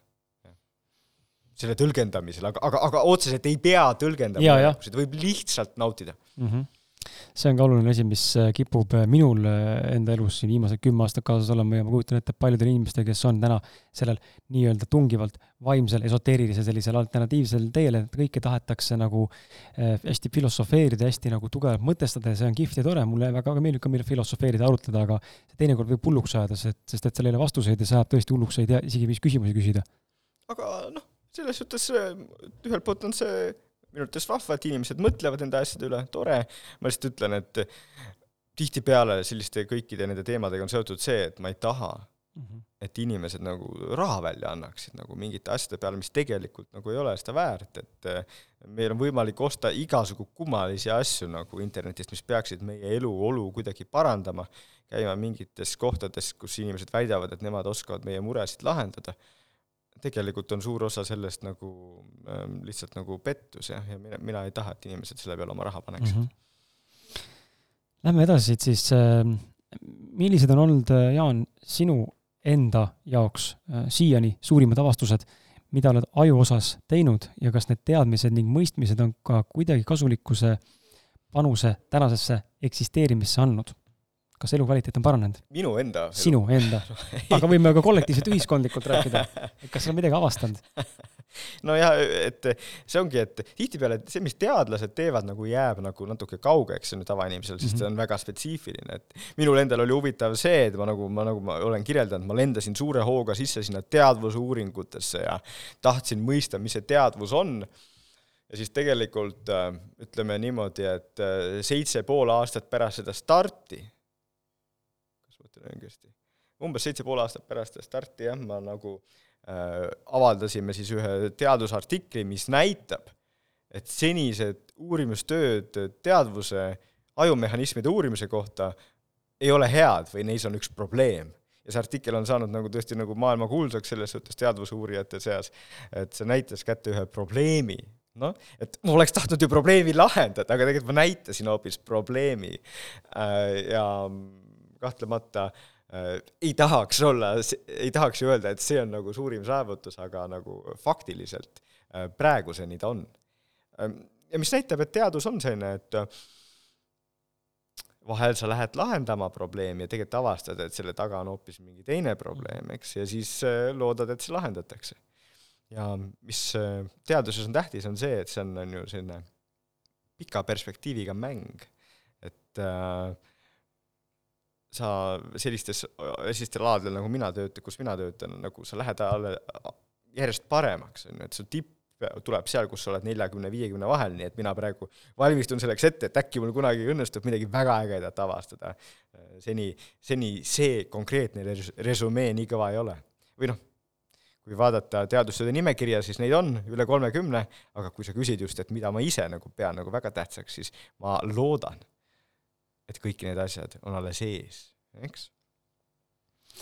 aga täiendav küsimus, mis on sinu suurim Äh, visioon, missioon, eesmärk äh, teadlasena, mida sa tahad, milleni sa tahad jõuda, ma kujutan ette, et seal on kindlasti palju asju, mis sind huvi pakuvad, aga kas on üks selline väga suur, mis nagu tahad, raudpolt, sa nagu tunned, et sa pead või sa väga soovid, et sa saavutaksid selle või leiaksid lahenduse või leiaksid vastuse? ma arvan, et siin ongi hea öelda, et noh, et kui ma alustasin teaduse tegemist aastal kaks tuhat neli, eks, siis ma keskendusin selle teadvuse probleemile ja minu see missioon oli see teadvuse probleem lahendada aga nüüd ma olen juba palju targem, eks, ma olen, on ju, üle kuueteist aasta targem. ja ma näen, et teaduses tuleb olla kogu aeg sellise avatud meelega. sest et sa pead nagu valmis olema selleks, et käänaku taga võib olla selline probleem, millest keegi pole mõelnudki mm. -hmm. Ja siis sa pead selle suutma võib-olla viie aastaga lahendada, eks. aga et mina olen ma nagu praegu ei ole nagu liiga keskendunud, ma üritan olla hästi paindlik nagu selles suhtes, mida ma uurin, et ma uurin, natukene uurin teadvust, erinevaid teadvusseisundit, ma uurin loovust, üritan seda uurida, kuidas me uute ideede peale tuleme, uurin tehisintellekti ja uurin meie nägemistaju. Kombin erinevaid asju korraga ja ma, mul on selline tunne, et sealt kuskilt võib midagi ägedat tulla ja siis ma pean keskenduma, eks ähm,. muidugi võimalik, et seda ei tule kunagi, et kui me teeks seda podcast'i, on ju, neli, neljakümne aasta pärast, siis ma ikka oleks samas seisundis, et ai, ma uurin vaata neid asju, neid asju, ma loodan, et kuskilt midagi tuleb, on ju ähm,. et ähm, nagu sa ju kenasti lugesid ette selle väikse tsitaadi sealt selle kulla otsimise kohta, et ähm, ma tunnen, et ma olen selline kulla otsija, mulle meeldib kulda otsida, eks ähm,. ja kulda sa ei saa otsida sealt, kus kõik teised otsivad sa ei saa otsida sealt, kus teised on mingid eriti vingete suurte masinatega, on ju. sa pead, sa pead lihtsalt nagu see tunne olema, et vot, kui ma neid asju teen, siis võib-olla ma kunagi leian kulda, et kui ma sinna suunas lähen, et kuule, sealt ei ole keegi uurinud, eks. nii et äh, kahtlemata ma arvan, et äh, minu sorti teadlase jaoks nagu kogu teadus oleks mõttetu, kui ma nagu ei üritaks kunagi mm -hmm. Kulda leida, aga et noh, et praegu olen ma selles faasis, kus ma nagu seda nuputan, et kus see kullasoon on vaata siin äh, tasub, äh, või noh, võib vist mainida seda ka, et äh, see on iga tegevusega elus, üldse iga valdkonnaga, et me ei tea mitte kunagi ette, millal üks või teine läbimurre või mingi asi tuleb, et täna võib-olla vestleme ja homme on Eureka, on ju, või on kümne aasta Eureka. Absoluutselt, on ju, see on ju südikuse ja järjepidevuse küsimus, kui sa ja, ja see, ja see ongi see, mida ma ju, mida me enne rääkisime mm -hmm. ju mhm. sellest nii-öelda potentsiaali teemas ja see, et me tahame olla, ma arvan, et iga inimene tahab olla selles seisus, et ta nagu äh, natukene on nagu lahtise mõttega ja on valmis, et äkki mingi asi vaimustab nii väga, et ma tahan sellele keskenduda ja sellega edasi minna. ja et tal on see võimalus, eks. et see, see on minu jaoks nii tähtis, et noh, et see ei ole mingi asi, mis ainult mul on, vaid et see ongi üks elustiil, on ju, et sa nagu, sa oled valmis selleks, et kuskilt tuleb midagi ägedat ja siis sa oled valmis pingutama, sa oled valmis selle suunas minema. Mm. Ma vaatasin äh, ühte, ühte videot, äh, enne kui ma seda saadet kokku hakkasin panema, siis ühte sinu artiklit lugesin või blogi või, või kuidas seda nimetada seal, siis mulle jäi silma see teema, äh, kuidas tekib mõte. Ja see on nagu hästi huvitav, sest et tõesti tekib küsimus, et aga kuidas see mõte nagu tekib või mille pealt see tuleb või, või, või kust see input nagu tekib, et räägi siis meile, kuidas tekib mõte ja mis toimub täpsemalt ajus, kui meil tekib mõte? jah, et see on nendest üks nendest küsimustest millega ma tegelen, eks, ja see, et seda siis nagu täpsustada, see küsimus on see, et kuidas tekib nagu uus mõte. just, et sul tekib mingi mõte, et oo äh,, ma tahaks seda tüüpi näiteks oma podcast'i kutsuda või ohoo ähm,, täna ma proovin seda sööki teha. mitte midagi, mis sa nagu iga päev teed, vaid nagu sul tuleb mingi uus mõte mm -hmm. nagu reaalselt või või noh, siis täitsa igapäevased asjad.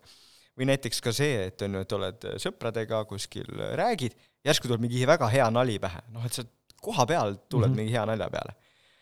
kuidas see tekib? kuidas see saab olla, et nagu meie aju nagu võtab neid asju, mis nagu keskkonnas on, nagu ta töötleb neid, nagu me räägime, et sinna aju läheb see informatsioon sisse ja siis on seal nagu sellised nii-öelda pusletükid ja siis ühel hetkel nagu pannakse need kokku, eks. ja see vastus sellele on, et me täpselt ei tea, eks, et seda nii-öelda algoritmi ma just uurin, et üritame paremini aru saada sellest, et kuidas see töötab.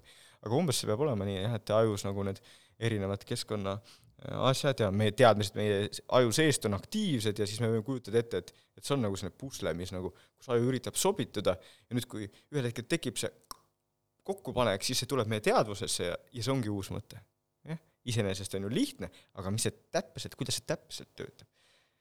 kas seda võib siis äh, täiendada siinkohal seda, et siis täiendav märkus äh, selle uute mõtete tekkimiseks või siis mõtete tekkimise soodustamiseks on oluline informatsiooni rohkus? et hankida võimalikult no, palju sisse infot, et siis oleks võimalikult palju pusletükke või?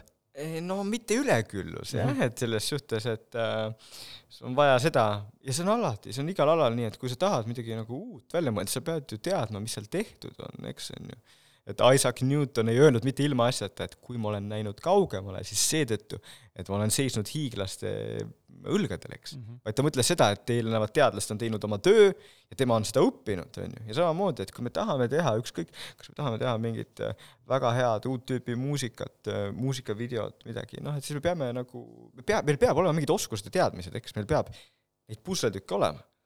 aga samas sel hetkel, kui tahame uute asjade peale mõelda, kui tahame uute asjade peale tulla, siis sel hetkel me ei taha nagu, et meil oleks info üleküllus. sel hetkel meil peab olema selline vabadus, et me nagu, meil on mingid sisendid, mis on natukene võib-olla huvitavad, võivad meile anda, aga me noh, saame nagu keskenduda sellele, et mis see kokku tuleb, me saame aru sellest, et oh, siin on mingi idee tulemas. ja siis, et meil on aega see idee ära kuulata. või noh, teisipidi, ma vahel ütlen inimestele ka, et minu arust on eriti rumal oleks näiteks on ju, et sa Äh, iga oma nii-öelda jõudehetke vi-, viidad nutiseadmes, sest kujuta ette, et sul tuleb nagu tegelikult ajus nagu see teadvusväline töötlus, millest me rääkisime, tuleb mingi uue idee peale. aga sa ei kuulegi, sest sa vaatad seda kassi mhm. videot sealt Youtube'ist, noh, superäge, kassi videod on super lahedad, me oleme kõik nõus, eks on ju. aga see idee oleks võinud olla midagi, mis muudab sinu elu ja maailma, eks aga sa lasid mööda nii-öelda või noh, ei võtnud vastu, siis äh... just, et sa ei, nagu sa ei kuulnud seda, et seal vaikselt oli kuskil, et hei, kuule, mul on nagu idee nagu selles suhtes, et see täi-, noh, täiesti võib niimoodi juhtuda. nüüd mul on selline triki küsimus sulle. kindlasti oled sa kuulnud äh, sellisest äh, äh, noh, terminist nagu the law of attraction on ju, külgetõmbeseadus. me, oih, me ei hakka praegu sellel pikalt peatuma, kuigi see on ka huvitav, kuidas see töötab ja mis see tähendab, on ju, aga mulle kargas sinu jutusest pähe just see mõte, et mida ma ise olen kogenud ja näinud väga tihti tekivad samad ideed, küll võib-olla väikeste varieeruvustega, erinevate inimeste erinevates kohtades. kas, äh, mis, mis fenomen selle taga siis on, et ühel tekib äriidee ja kuskil Aafrikast äh, või kust iganes paigast tekib teise vennal samasugune idee, nüüd mõlemad toimetavad, üks teeb selle ära ja teine ei tee või teevad mõlemad ära konkurendid või, või mis iganes veel, et kuidas see saab nii olla, et sarnased ideed jõuavad mitmetele inimestele ühel ajal, ühe, noh, mitmes kohas korraga? jaa, et iseenesest ma arvan, et see vastus on tegelikult väga lihtne, et noh, et osad asjad, osad ideed põhinevadki sellele, et nad põhinevad nendel teadmistel, mis maailmas selle kohta on. ja kui need mõlemad tegelased, nad loevad sarnaseid asju, äh, nad vaatavad, et äh, see firma tuli välja selle tootega, mõlemad näevad, et too firma tuli välja teise tootega, ja nende ajus on sarnased algoritmid, siis nad panevadki need asjad sarnaselt kokku, et minu arvates see on nagu täiesti selline loogiline asi, mis noh, et make sense võtame siia vahepeale siis äh, ühe kuulaja küsimuse, kuulaja Anette Advelt küsib, äh, kuidas mõjuvad meile mediteerimine ja manifesteerimine ehk ajule, ehk siis kui noh, visu-, mingite asjade visualiseerimine ja nende teostamine ja kuidas toimivalt muuta mõttemustreid?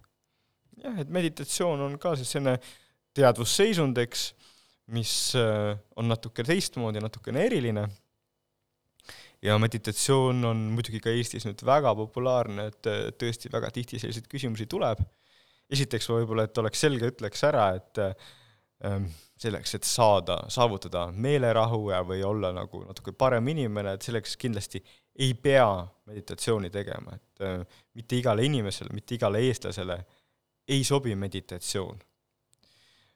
Küll aga, kui inimesele nagu meditatsioon meeldib, siis võib seda teha, et ta on selline tegevus, mis aitab nagu natukene seda äh, mõtet äh, rahustada ja, ja, ja paljud inimesed nagu leiavad sellest midagi. ja kui me uurime nagu siis nagu, mis toimub ajus, siis me näeme ka, et aju aktiivsus muutub äh, ja ajus on teatud muutusi, mis on meditatsiooni tõttu. aga medita-, meditatsioon ei ole selles suhtes eriline, jah, et kui inimene näiteks mängiks viiulit, hakkaks viiulit mängima, siis tal ka toimuksid ajus muutused, eks. kui ta hakkaks tegelema hoopis näiteks nooleviskega, siis tal ka toimuksid ajus muutused, on ju. nii et eh, see on lihtsalt jällegi, et öelda, et meditatsioon ei ole mingisugune võluvits või mingi imeasi, vaid ta on lihtsalt üks näide sellest, kuidas eh, läbi ajastute on inimesed nagu sellist meelerahu leidnud, kes tahab, eh, võib seda kindlasti proovida, kellele sobib, võib seda nagu teha, aga otseselt jällegi ma ei, ma ei, ütleks, et peaks nagu kohe esimese asjana näiteks palju raha välja andma mingi kursuse eest, et pigem võib nagu natukene proovida nagu mingite tasuta õppematerjalide põhjal. okei okay., ehm, siia mediteerimise juurde saab eh, noh, mingil määral tuua ka sellise asja nagu siis eh, noh, ta on mingil määral keskendumine ja fookus, sa võtad keskendumise sellele, et sa oled hetkes nii-öelda ja üritad aju välja lülitada. Ma lugesin sinu ühte, eh, taaskord jälle ühte artiklit, mis mulle väga meeldis ja ma ei, ma täpselt ei mäleta, kuidas sa sõnastasid seda lauset, aga sealt tuli mul see küsimus ka, et keskendumine, fookus ja multitask imine, kolm punkti. Et mis on sinu vaatevinkel, mida tuleks eelistada, kas siis eh, ühele asjale keskendumist või multitask imist ja milline on siis jah, meie aju, aju, ajust vaadatuna mõistlikum, meile kasulikum, efektiivsem? no vastus on see, et äh, oleneb olukorrast, eks, et äh, ühelt poolt mina olen see, kes tõesti räägib, et kui me tahame midagi saavutada, et siis me peame ühele asjale keskenduma, selle asjale, aga kui mul on tõesti igav koosolek, ma miskil põhjusel pean olema, ma üritan mitte olla, eks, aga kui ma pean olema, siis otse loomulikult ma multitask in ma samal ajal teen mingeid muid asju. sest muidu ma lihtsalt raiskaksin oma aega, eks. aga nüüd, kui on see aeg, kus ma tahan nagu mõelda oma asja üle, et millist katset me teeme, mida me selle tudengiga koos teeme, mida ma, kuidas ma seda üht või teist asja kirjutan, siis ma kunagi ei multitask'i, sest et see oleks äh, justkui ähm, aju narritamine, eks, et me oleme rääkinud mitu korda nüüd selle huvitava vestluse jooksul, et, et aju suudab nagu asju kokku panna, on ju. aga kui ma nüüd multitask in, see tähendab, et mul tegelikult sinna tähtsasse asja tulevad sisse mingid mõttetud asjad, on ju. jah, ja selles suhtes nagu see võib olla probleem või noh, mis probleem selles suhtes, et ma, ma, mul ei tule lihtsalt nii häid mõtteid, on ju. ja seetõttu ma alati ütlen ka, et kui on ikkagi näiteks koosolek, kus istuvad tähtsad inimesed, äh, kes peaksid mingit tähtsat otsustama, siis tegelikult nad ei tohiks olla laptopides ja nutiseadmetes, sellepärast et meil on selline illusioon, et kui me nüüd, ma olen seal, ma ju kuulen, mis ta räägib, aga see kuulmisel ja kuulmisel on vahe, eks.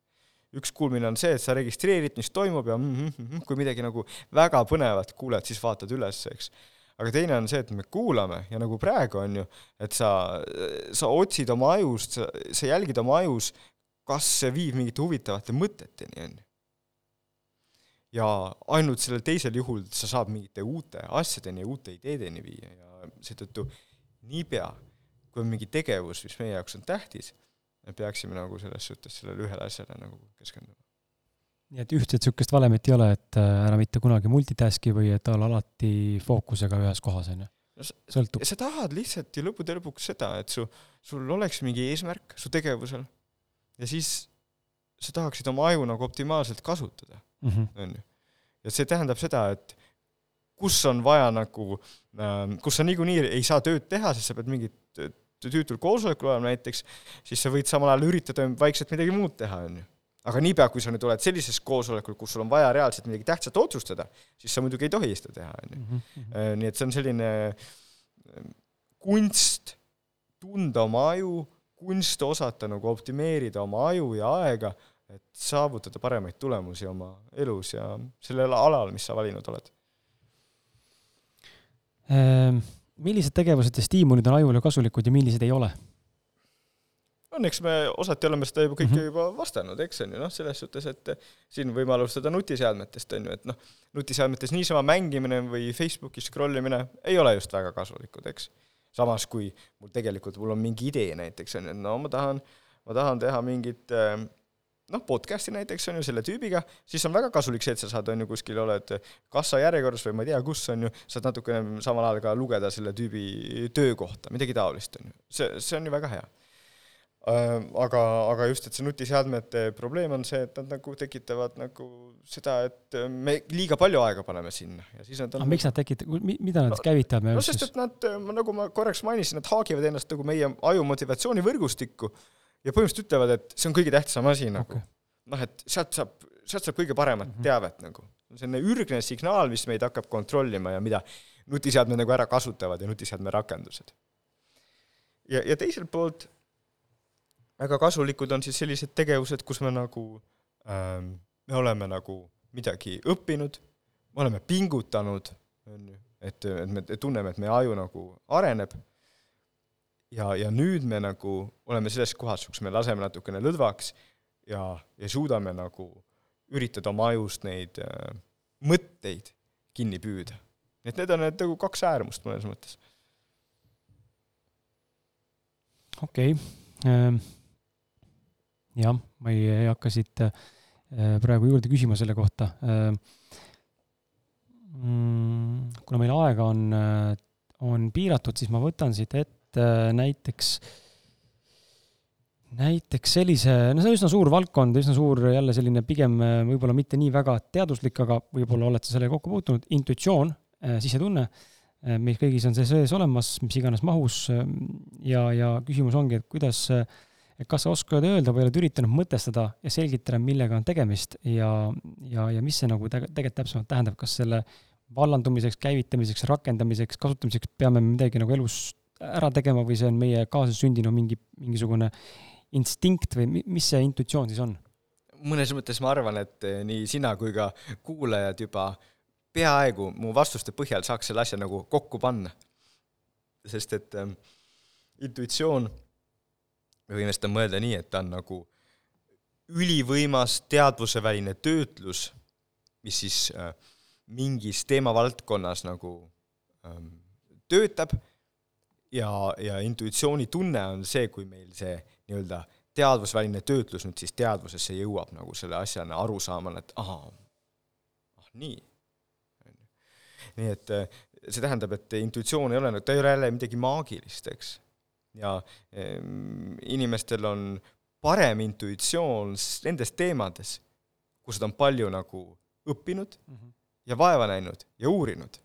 Nii et noh, see, näiteks ehm, võtame ühe väga sellise lihtsa näite, male, eks. kui on professionaalne malemängija, siis tal on väga hea intuitsioon, ma ütleks, malemängija ise ei pruugiks seda sõna kasutada, aga kui me nagu vaataks, mis ta teeb, tal on intuitsioon selle kohta, mis käiku ta võiks järgmiseks teha, on ju.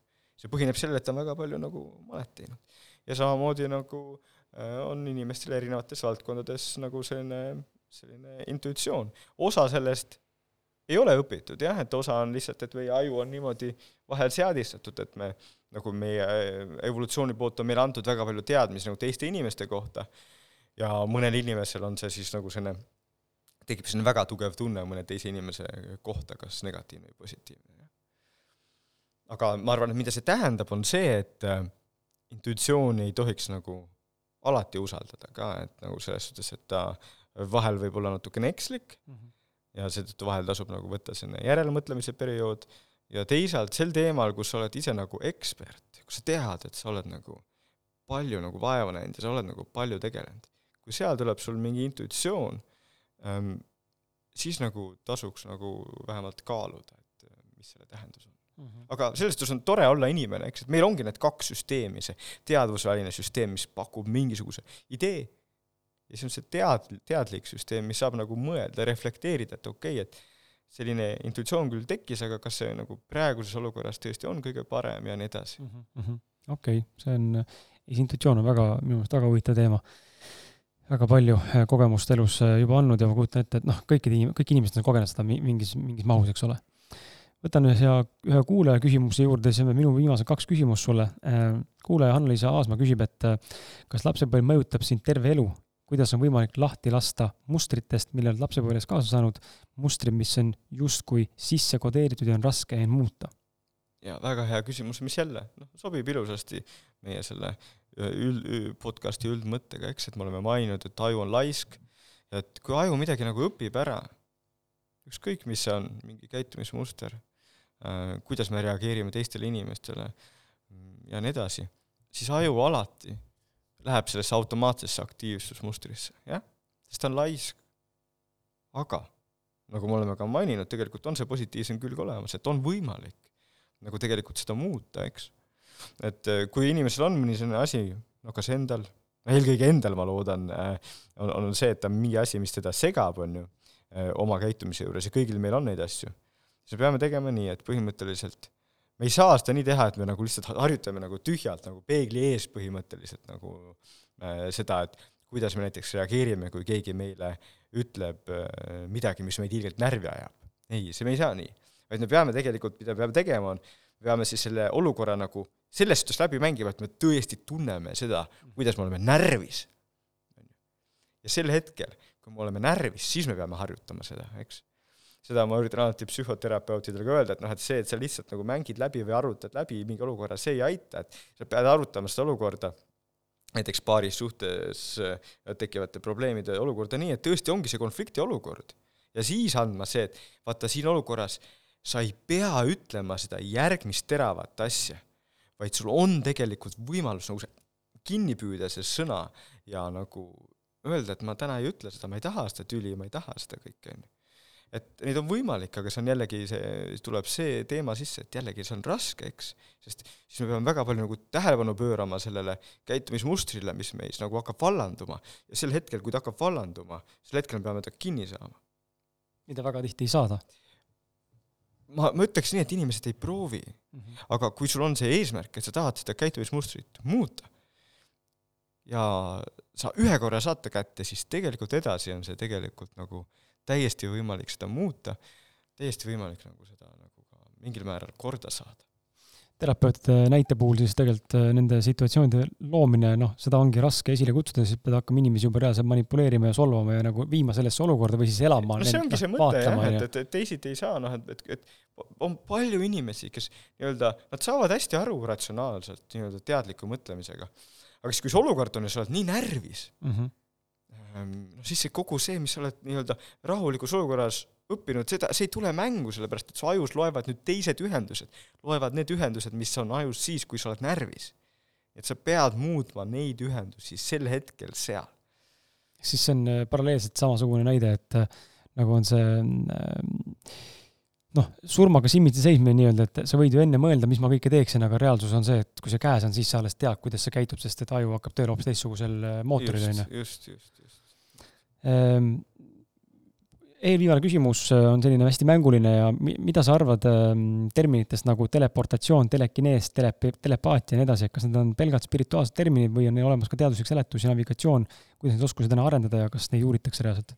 jah, et noh, et saage aru teadlastest, et niipea, kui on kuskil mingi huvitav fenomen, siis kohe hakatakse uurima, noh, see ongi teaduse mõte, et mitte nii, et teadlased ütlevad, et ei, kuule, see on mingi jura, et seda me ei uuri, ei. ja noh, selliseid ähm, asju on uuritud ähm, üle saja viiekümne aasta nagu teaduslikult ja kahjuks nagu teaduslikku äh, sellist äh, põhja väga palju nendel asjadel ei ole. ja aga tihtipeale on sellest uurimustööst tulnud midagi muud head, telepaatia on mu lemmiknäide, kus siis telepaatiat hakkas uurima Hans Berger, kuna tal oli tõesti selline juhtum, mis talle ütles, et peab olema telepaatia, hakkas uurima, tema, ta oli teadlane. ja ta hakkas mõtlema, et see peab olema nagu aju elektromagnetlained, on ju, ja siis ta tegelikult, ta mõtles välja tehnoloogia, kuidas nagu ajust nagu elektriaktiivsust mõõta, EEG mis täna on igas haiglas, on ju igal pool teaduses kasutatakse, tema mõtles selle, hakkas seda rakendama, sest ta tahtis uurida telepaatiat. muidugi selle EG uurimine annab selge vastuse, et telepaatia ei saa toimida elektromagnetlainetega, sellepärast et need on hästi nõrgad ja kui ma juba siit ajust läheksin pool sentimeetrit kaugemale, siis ma ei saaks midagi nagu, mingit signaali sealt head kätte, on ju. aga see tehnoloogia, mis sealt tuli, oli võimas. Ehm, nii et teadlased alati uurivad selliseid asju ja tihtipeale, kui teadlased nagu näiteks selliste terminite suhtes nagu skeptilised on, siis mitte seetõttu, et meid üldse ei huvitaks, vaid seetõttu, et tegelikult on eelmise sajandi jooksul juba väga palju uurimustööd nä-, tehtud, mis on näidanud, et need fenomenid nagu ähm, ei ole nagu vettpidavad mm. -hmm. Jaan, viimane küsimus sulle siin on selline klassikaline elumõtte küsimus, mis on sinu jaoks elu mõte ja, ja mis saab pärast surma? kas sa oled mõtestanud, mänginud selle mõttega, kui sa saate alguses sai öeldud seda, et sa oled universumi teemadel nii-öelda laiemalt mõelnud ja meeldib mõtiskleda, siis mis on sinu vastus siinkohal? alustame sellest teisest poolest, et äh, on muidugi igasugu võimalusi, et mis pärast surma juhtub. aga mina lähtun sellest, et mul on, kindlasti on mul see üks elu. Ma ei tea, mis tuleb pärast, aga ma, ma olen kindel selles, et mul on see üks elu, seega minu arvates ainuõige on nagu üritada sellest ühest elust maksimumi võtta. ja mis siis on elu mõte? elu mõte on äh, erinevatel inimestel erinev, minu jaoks on see see, et ma üritan nagu oma aju äh, rakendada, et saada aru mingitest sügavamatest asjadest meie enda aju kohta. Kõlab natuke keeruliselt, eks ja, ja teiseks äh, muidugi niipea, kui inimesel on lapsed, siis ta tahab nagu, ja mina tahan vähemalt seda, et äh, mu lapsed saaksid ka oma ajust maksimumi võtta, jah, et mina ei piiraks neid ajusid, vaid ma võimendaks neid ajusid.